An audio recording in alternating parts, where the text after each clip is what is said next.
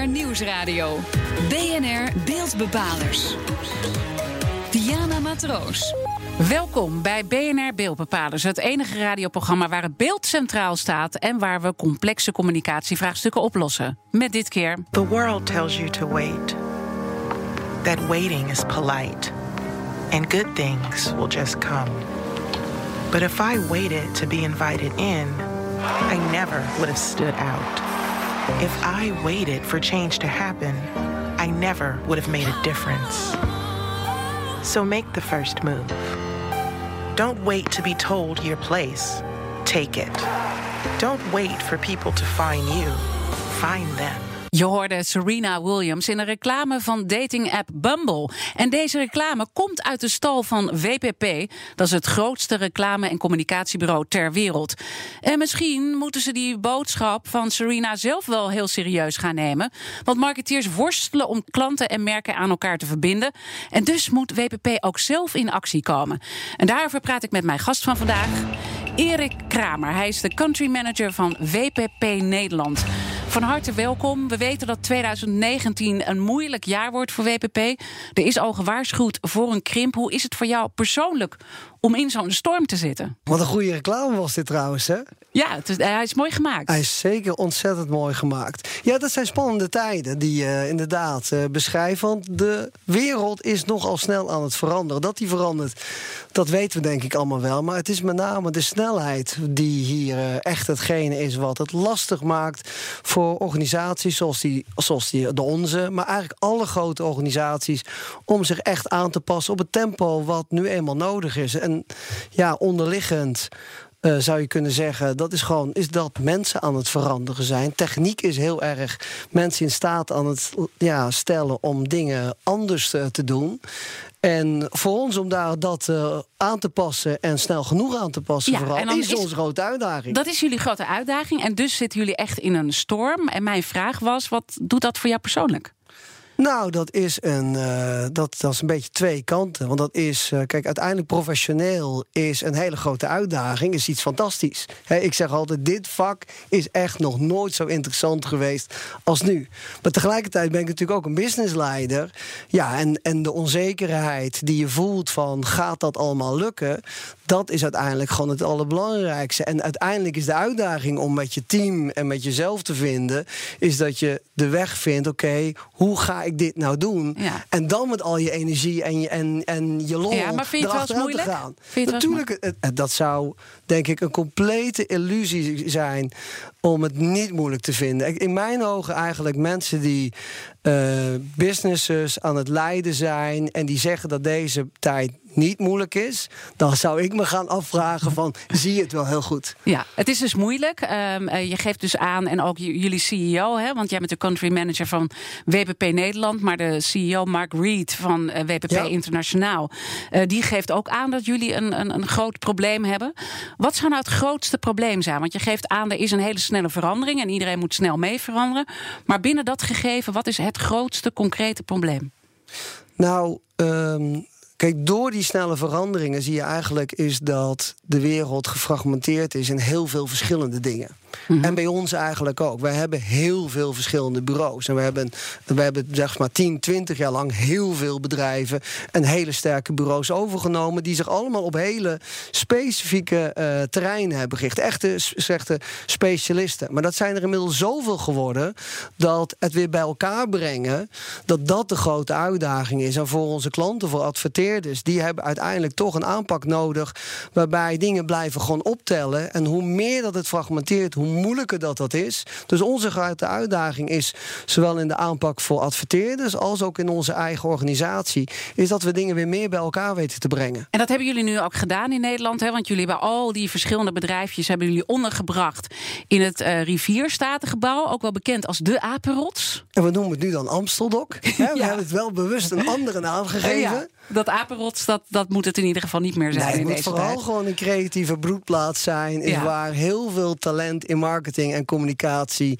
met fantastisch werk voor, voor klanten bezig zijn. Ja, dat, dat Ja. zou het echt moeten zijn. Dus ze zitten allemaal in één gebouw, al die eh, bedrijven. Maar dit zijn ook allemaal bedrijfjes die ook weer een internationale poot hebben. Ga je dan van al die bedrijfjes samen ook één winst- en verliesrekening voeren? Zodat je ook echt die bedrijven kan aanspreken en echt kan aansturen. Ja, kijk, wat we zeker aan het doen zijn, is dat we onze organisatie enorm aan het versimpelen zijn. En dat doen we door. door we doen we eigenlijk een aantal dingen mm doen we erin. Maar we maken zeker, we zijn eigenlijk de bedrijven die we hebben, zijn we, uh, we zijn daar een aantal aan het uitkiezen die we veel sterker aan het maken zijn. Dus dan gaan we ook een heleboel ja. gaan verdwijnen of samengevoegd worden in andere bedrijven. Dat is niet op mijn vraag, hè? want ik zei, gaan jullie gezamenlijk een winst- en verliesrekening eh, voeren? Want dat is ook de tool die jij dan als nou, CEO in handen hebt. De, de, uitkomst daarvan is wel eens dat we heel veel minder winst- en verliesrekeningen zullen hebben. Maar uiteindelijk, zoals wij ernaar kijken, en dat eigenlijk met een toch wel met ook wel een beetje een grappige blik naar deze discussie te kijken. Uiteindelijk één PNL uh, zou dan betekenen één PNL wereldwijd. Nou, wij kennen heel weinig bedrijven, letterlijk geen één, waarbij uh, leiders die verantwoordelijk zijn voor bepaalde klussen alleen maar verantwoordelijk zijn voor dat ene wereldwijde uh, okay, dus er, resultaat. Dus er gaan er meerdere blijven, maar het worden er wel blijven, minder. worden er veel minder en mensen zullen ook veel meer en doelstellingen krijgen op hun eigen klus, op hun eigen mm -hmm. bedrijf en doelstellingen meekrijgen op het geheel. En op die manier balanceren we dat. Nou staat de worsteling van WPP natuurlijk niet op zichzelf, want ik wil het ook wat uh, breder trekken. Uh, jullie hebben namelijk ook zelf wereldwijd onderzoek uh, gedaan. Er komt ook later nog een heel groot stuk in welk Harvard Business Review. Harvard Business Review daarover. en daaruit blijkt dat veel marketeers op topfuncties van grote bedrijven, dus dan noem ik een Pepsi, dan noem ik een Google, dat die worstelen met het klantcontact. Wat was voor jou nou het meest opvallende uit dat onderzoek dat jullie hebben gedaan? Uh, nou, toch wel een aantal dingen. Maar het begint eigenlijk wel met een soort. De, de, de eerste vraag is van in welke markt zit je nu eigenlijk? En dat vond ik een ongelooflijk mooi voorbeeld in zitten. Is dat we als marketeer, en ik ben dat zelf ook gewoon bijna 15 jaar geweest, is dat je ongelooflijk trots bent op het marktaandeel. En dan ben je marktleider met bijvoorbeeld 24,3 procent. En de volgende maand is het dan misschien 23,5 procent. En dan ben je super blij. Maar uiteindelijk op die manier naar de markt kijken, ga je nooit heel veel groeien. En als je er naar kijkt hoe dit soort bedrijven, als we bij spreken, dit wordt dan normaal gemeten door een nieuwsachtig uh, bedrijf bijvoorbeeld. Maar als je gaat kijken wel het marktaandeel dat je hebt in een digitaal platform zoals Amazon, blijkt opeens dat je misschien daar maar 16% hebt. En als je het nog verder trekt en je, hebt, je kijkt naar het aandeel wat je in een, in een fundingsplatform als een Kickstarter hebt, heb je misschien maar 3% van de totale markt. Dus het durven kijken naar eigenlijk een veel bredere definitie van waar ben je nou eigenlijk je echt mee bezig als merk. En, en je ook durft het te denken van wat nou als ik mijn markt zo definieer dat ik maar 3% marktaandeel heb. Ja, dan kan je opeens weer makkelijk, veel makkelijker denken aan verdubbelen of verdrievoudigen. En als je dat doet, ga je nou eenmaal andere dingen doen dan als je bezig bent om van 24,3% naar 24,5% ja, marktaandeel te gaan. Maar is dat logisch dat je je business zoveel kleiner gaat maken? Ik bedoel, past dat in, nou, in, deze tijd? Een concreet voorbeeld is, is als je bijvoorbeeld uh, in, in Mars uh, bent, die zitten in petfood. Als je dat als, uh, als petfood beschouwt. Uh, dan heb je een bepaald potentieel. Als je daar pet care van maakt en veel meer om het totale welzijn van die huisdieren kijkt, dan zit het nog steeds heel dicht bij de waarde van die merken. Maar heb je opeens heel veel andere mogelijkheden die je ook kan bieden. Om, daar gaat het om uh, zorg. Misschien is het in dat verband uh, heel erg leuk om uh, iemand nog even te laten horen die wij in de vorige uitzending te gast hadden van BNR Beeldbepalers. Dat was namelijk Safi Grauw. En hij werd onlangs uitgeroepen door het Genootschap voor de Reclame tot Jonge Haan. Dat is een prijs voor het meest opvallende talent in het medialandschap. En hij zei het volgende bij ons. Ik denk dat we binnen nu en 15 jaar, als jouw merk niet een maatschappelijke rol speelt, dat je minder bestaansrecht hebt dan uh, in tijden daarvoor. Ben je het met hem eens? Ja, dat zie je toch wel als een, een van de grote trends. Is dat uiteindelijk het gewoon het veel menselijker maken, de menselijke maat opzoeken en waarvoor bedrijven zijn.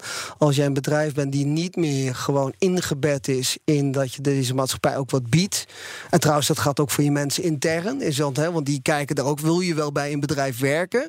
Wat dat niet uh, doet, dat dat toch wel verdomd lastig wordt voor dat soort bedrijven. Dus die maatschappelijke boodschap en die zingeving worden enorm belangrijk, veel belangrijker nog. Aan de andere kant, dat is net zo een beetje als de uitkomsten van het onderzoek. Een heleboel wisten we al. Hoe kan het dat het maar niet wordt opgepakt door die uh, marketingtoppers? Nou, ik denk dat het wel wordt opgepakt. Maar zoals ik in het begin een beetje probeerde te zeggen, wat de echte uitdaging eronder ligt, dat is eigenlijk het tempo waarmee dat de veranderingen gaan. Dus ik denk dat er heel veel bedrijven wel goed bezig zijn. Of heel veel bedrijven zijn er goed bezig op een aantal elementen. Maar het voor elkaar te krijgen dat je op op alle elementen die nodig zijn het juiste tempo weet te maken. Dat dat voor de meeste bedrijven heel erg lastig is. En dan ben je op het ene terrein, bijvoorbeeld op communicatie, nog heel erg goed. Maar als het nu veel meer gaat ook, ook om veel meer na te denken over welke ervaring zit er tussen mij en mijn merk. Ja, daar zie je nog wel, nog wel bedrijven mee worstelen. En daar zie je de nieuwe spelers natuurlijk veel natuurlijker heel erg goed in zijn. En hebben we dan niet de kern te pakken? Want onze gast van vorige week, Safi Grauw, zei ook dat veel bureaudirecteuren nog een jaren negentig mentaliteit hebben. Nou, ik denk heel eerlijk gezegd, ik snap zijn punt, maar ik denk eerlijk gezegd is dat de bureaudirecteuren die dat echt hebben, dat die, geen, dat die inmiddels al niet meer bestaan, die, eh, die bureaus. Maar hij heeft natuurlijk wel uh, een punt, is dat, hè, dat is letterlijk natuurlijk ook wat ik in de zeg zeg van met welk tempo weet je te veranderen, dat is wel gewoon ja, een uitdaging. De reclamewereld heeft dus een uh, probleem. En is dan technologie de oplossing? Of moet je met een hele nieuwe generatie marketeers gaan werken? Hoe zorgen nou die spelers dat ze in dat tempo kunnen meekomen? Je hoort het zo meteen na de reclame in BNR Beeldbepalers. BNR Nieuwsradio. BNR Beeldbepalers. Welkom terug bij BNR Beeldbepalers. Dit keer hebben we het over het probleem in de reclamewereld. Want de veranderingen gaan razendsnel. Maar de altijd zo snelle reclamemakers kunnen het maar moeilijk bijbenen. Wat is dan de oplossing? Mijn gast van vandaag is Erik Kramer. Hij is de country manager van WPP Nederland. En hij zit midden in uh, die storm. Uh, dat beschreven we net al. De sector moet echt uh, aan de slag. En je gaf daarbij aan dat met name tempo best heel ingewikkeld is om daarop mee te kunnen komen. Wat moet er dan gebeuren? Gebeuren volgens jou heel concreet om dat te kunnen realiseren? Nou, je moet in ieder geval dingen doen. dat, je moet je in ieder geval niet daardoor laten lam uh, slaan. Je moet echt gewoon uh, gaan experimenteren en stappen maken. En dan zal het misschien niet in de eerste keer gelijk perfect zijn. Maar door die lessen die je dan leert, kom je uiteindelijk wel, wel verder. Wat en is de reflex nu een beetje om te blijven hangen en erover te praten? Nee, dat kan. Dat zie je eigenlijk. Je ziet, tenminste, je ziet bedrijven vooral verschillende eigenlijk gewoon uh, dingen doen. Maar om bijvoorbeeld een voorbeeld te nemen, wat echt gewoon overduidelijk iets groots gaat, gaat worden, is uh, alles rond voice. Dat je niet meer intikt op wat je wil weten van Google, maar dat je zegt: Oké, Google. En ja. dan met je vraag stelt. Kijk, als, als merk, als je dan wil dat er een bepaald antwoord komt, ja, dan zal je ook wel ervoor moeten gaan zorgen, is dat, dat, dat Google ook dat antwoord gaat geven. Dus je kan nu niet wachten in mijn ogen, om daar niet de eerste experimenten en stappen in te gaan, uh, gaan maken. Als en is dat dan ook een oproep uh, naar het bedrijfsleven? Want jullie werken uiteindelijk voor die merken, of misschien voor de overheid, waar jullie ook bepaalde dingen voor maken, dat die daar meer over moeten gaan nadenken? Of moeten jullie daar als WPP meer over gaan nadenken? Nou, dat heeft zeker, dat, dat, zit dat beide. Wij zijn met name bezig om daar nieuwe dienstverleningen voor te ontwikkelen, zodat we dat ook daadwerkelijk klanten daarmee kunnen helpen. Maar het is zeker ook een oproep eigenlijk aan adverteerders om te, om, om te investeren in hun merken. Als je in deze snelle veranderingen namelijk eigenlijk onderinvesteert, en dat zien we ook een aantal bedrijven uh, doen. En dan heb je het over zero-based budgeting als, als, als methodes die op zichzelf staan prima zijn om, om bij elke uitgave die je doet goed na te denken van is het er nou wel, wel waard. Maar van sommige nieuwe dingen weet je niet of dat het het waard gaat zijn. En dus voldoende ook aandacht hebben voor het nieuwe en wetende dat je via verschillende, misschien wel keren dat je faalt, uiteindelijk tot iets heel waardevols weten te komen. Daar moet je de balans goed in weten te houden. Een van de bedrijven die heel erg met die beleving bezig is, is KLM. Vandaag ook een mooi stuk in Adformatie uh, daarover, die echt op die beleving ook uh, gaan doorpakken. Jij noemde eerder ook al het aspect beleving. Moet je dat ook veel meer aan technologie gaan koppelen? Ja, een aantal zie, partijen zie je daar natuurlijk van nature het makkelijker te hebben, omdat ze, daar, omdat ze al in die wereld geboren eh, zijn, om het zo maar te zeggen. Dus als je naar Spotify bijvoorbeeld kijkt, is natuurlijk ongelooflijk fijn, is dat uh, je, uh, je op basis van de liedjes die jij gekozen hebt, dus dat ze een playlist maken en dat ze daar wat nummers in toevoegen die je hoogstwaarschijnlijk ook wel heel erg leuk vindt. Dat is een heel mooi voorbeeld waarbij ze op basis van data jouw ervaring eigenlijk fijner wordt gemaakt. Heel wat anders dan bij spreken de kant voor die ook wel in de, in de reiswereld en ook bij KLM en, en bij al die partijen natuurlijk vaak speelt, is dat ze je aan het chasen zijn met de reis die je eigenlijk al net afgerond uh, gerond hebt. Ik denk dat Spotify een, een heel mooi uh, is waarbij je ziet dat het voor een consument heel fijn is. Wat nog fijner is als je het weer naar reizen toe brengt, is dat als je in een Uber stapt, is dat je niet door hebt, maar je denkt, oh wat staat er fijne muziek op. Maar dat technologie ervoor geholpen heeft, is dat jouw bestelling met jouw app in de Uber ervoor zorgt, is dat gekoppeld aan jouw Spotify-lijst gewoon automatisch jouw playlist aangezet is. En als je dat dan uh, beredeneert, hè, want dit gaat veel meer om uh, interactie, zijn dan eigenlijk een beetje de traditionele reclames op de televisie een beetje passé aan het worden? En moet je toch echt veel meer op die interactie in gaan zetten? Nou, ik denk dat, dat, uh, ik denk dat het veel meer gaat om dat, je deze dingen veel meer aan, aan elkaar gekoppeld wil, wilt hebben. Dus dat je niet aan de ene kant op tv een boodschap hebt... en aan de andere kant compleet daarvan gedisconnect bezig met, bent met ervaringen, met producten... maar dat je die dingen juist heel erg bij elkaar gaat brengen. En ook bijvoorbeeld naar, direct naar, nou, mensen een verkoopmogelijkheid geven. Dus als jij s'avonds op tv zit te kijken en je wordt heel erg geïnspireerd door bijvoorbeeld een modemerk, laten we HM noemen. Maar je zit daarnaast op je Instagram te kijken en je ziet eigenlijk het setje wat in die commercial zat voorbij komen. En er zit direct een knop op dat je het kan kopen. Ja, dan ben je een aantal dingen aan elkaar aan het koppelen waar ook mensen gewoon heel blij van kunnen worden. En je als bedrijf je marketing en je verkoop perfect aan elkaar aan het koppelen bent. Jullie uh, CEO Marguerite heeft ook gezegd uh, dat jullie als bedrijf creatiever uh, moeten gaan worden. Zijn de talenten die voor jullie werken creatief genoeg voor deze fase die nu nodig is? Of moet je daar ook bepaalde aanpassingen in gaan doen? Uh, nou, ik denk dat meer investeren, dat geld wat we eigenlijk, wat ik natuurlijk ook bedrijven eigenlijk oproep, dat geldt voor ons precies hetzelfde. Dus ja, meer. Dat betekent niet dat we niet al, al supergoeie mensen hebben. we hebben net het, het werk wat we met bijvoorbeeld Rembrandt doen en ING en het Rijksmuseum, waarbij we de stem herleefd hebben van, van Rembrandt. is denk ik bij uitstek een voorbeeld wat denk ik weer de hele wereld over uh, gaat. Maar met name talent bij elkaar brengen. Dus eigenlijk de voorbeelden zoals die net nacht. Wat je met name ziet is dat dat niet één creatief eigenlijk gewoon kan doen. Wat wij zien op dit moment is dat we mensen bij elkaar aan het brengen zijn in teams met achtergronden die nog nooit bij elkaar in één kamer hebben gezeten. En daar zit met name uh, de grote uitdaging in. Ja, we zijn alweer aangekomen bij de conclusie. Het gaat snel. Marketeers van bedrijven over de hele wereld zijn echt zoekende. En dan gaat het ook echt om de grote bedrijven. Hoe ze nou weer echt contact kunnen krijgen met de klant. En eigenlijk de supervorm van marketing kunnen bedrijven. Wat is volgens jou samenvattend de beste strategie? Nou, ik, ik denk dat je heel onrustig moet willen zijn over de snelheid die nodig is.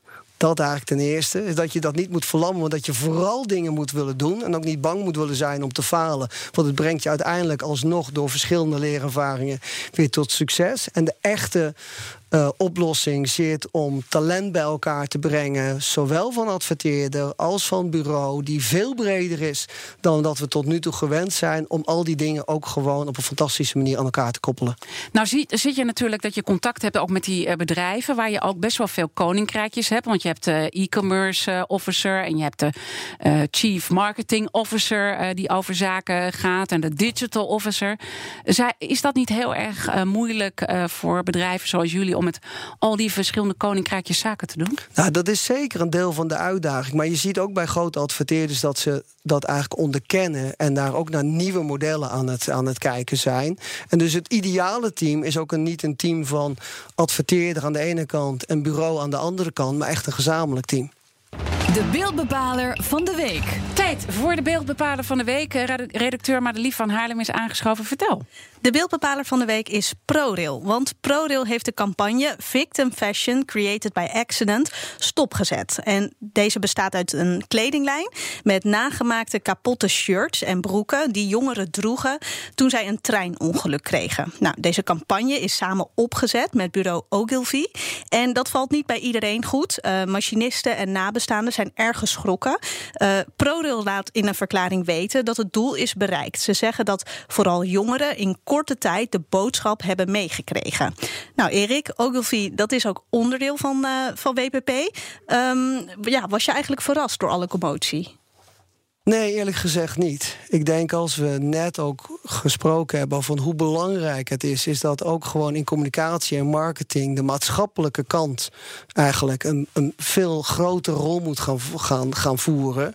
Ja, dan heb je het hier over een voorbeeld waar dat ook over gaat. Hier probeert een adverteerder echt een maatschappelijk belangrijk thema eigenlijk aan te roeren. Voor ook nog eens een keer een hele bijzondere doelgroep. En, en die kiest een vorm uh, die ook gewoon bij die jongeren ook gewoon binnenkomt. En zoals ze natuurlijk ook gewoon zeggen. En, en daar hebben ze het effect mee gehad. Dan hebben ze natuurlijk nooit de bedoeling gehad om mensen te kwetsen. Mm -hmm. Maar het is natuurlijk ja, in die zin, hoe vervelend en hoe pijnlijk die kant ook is.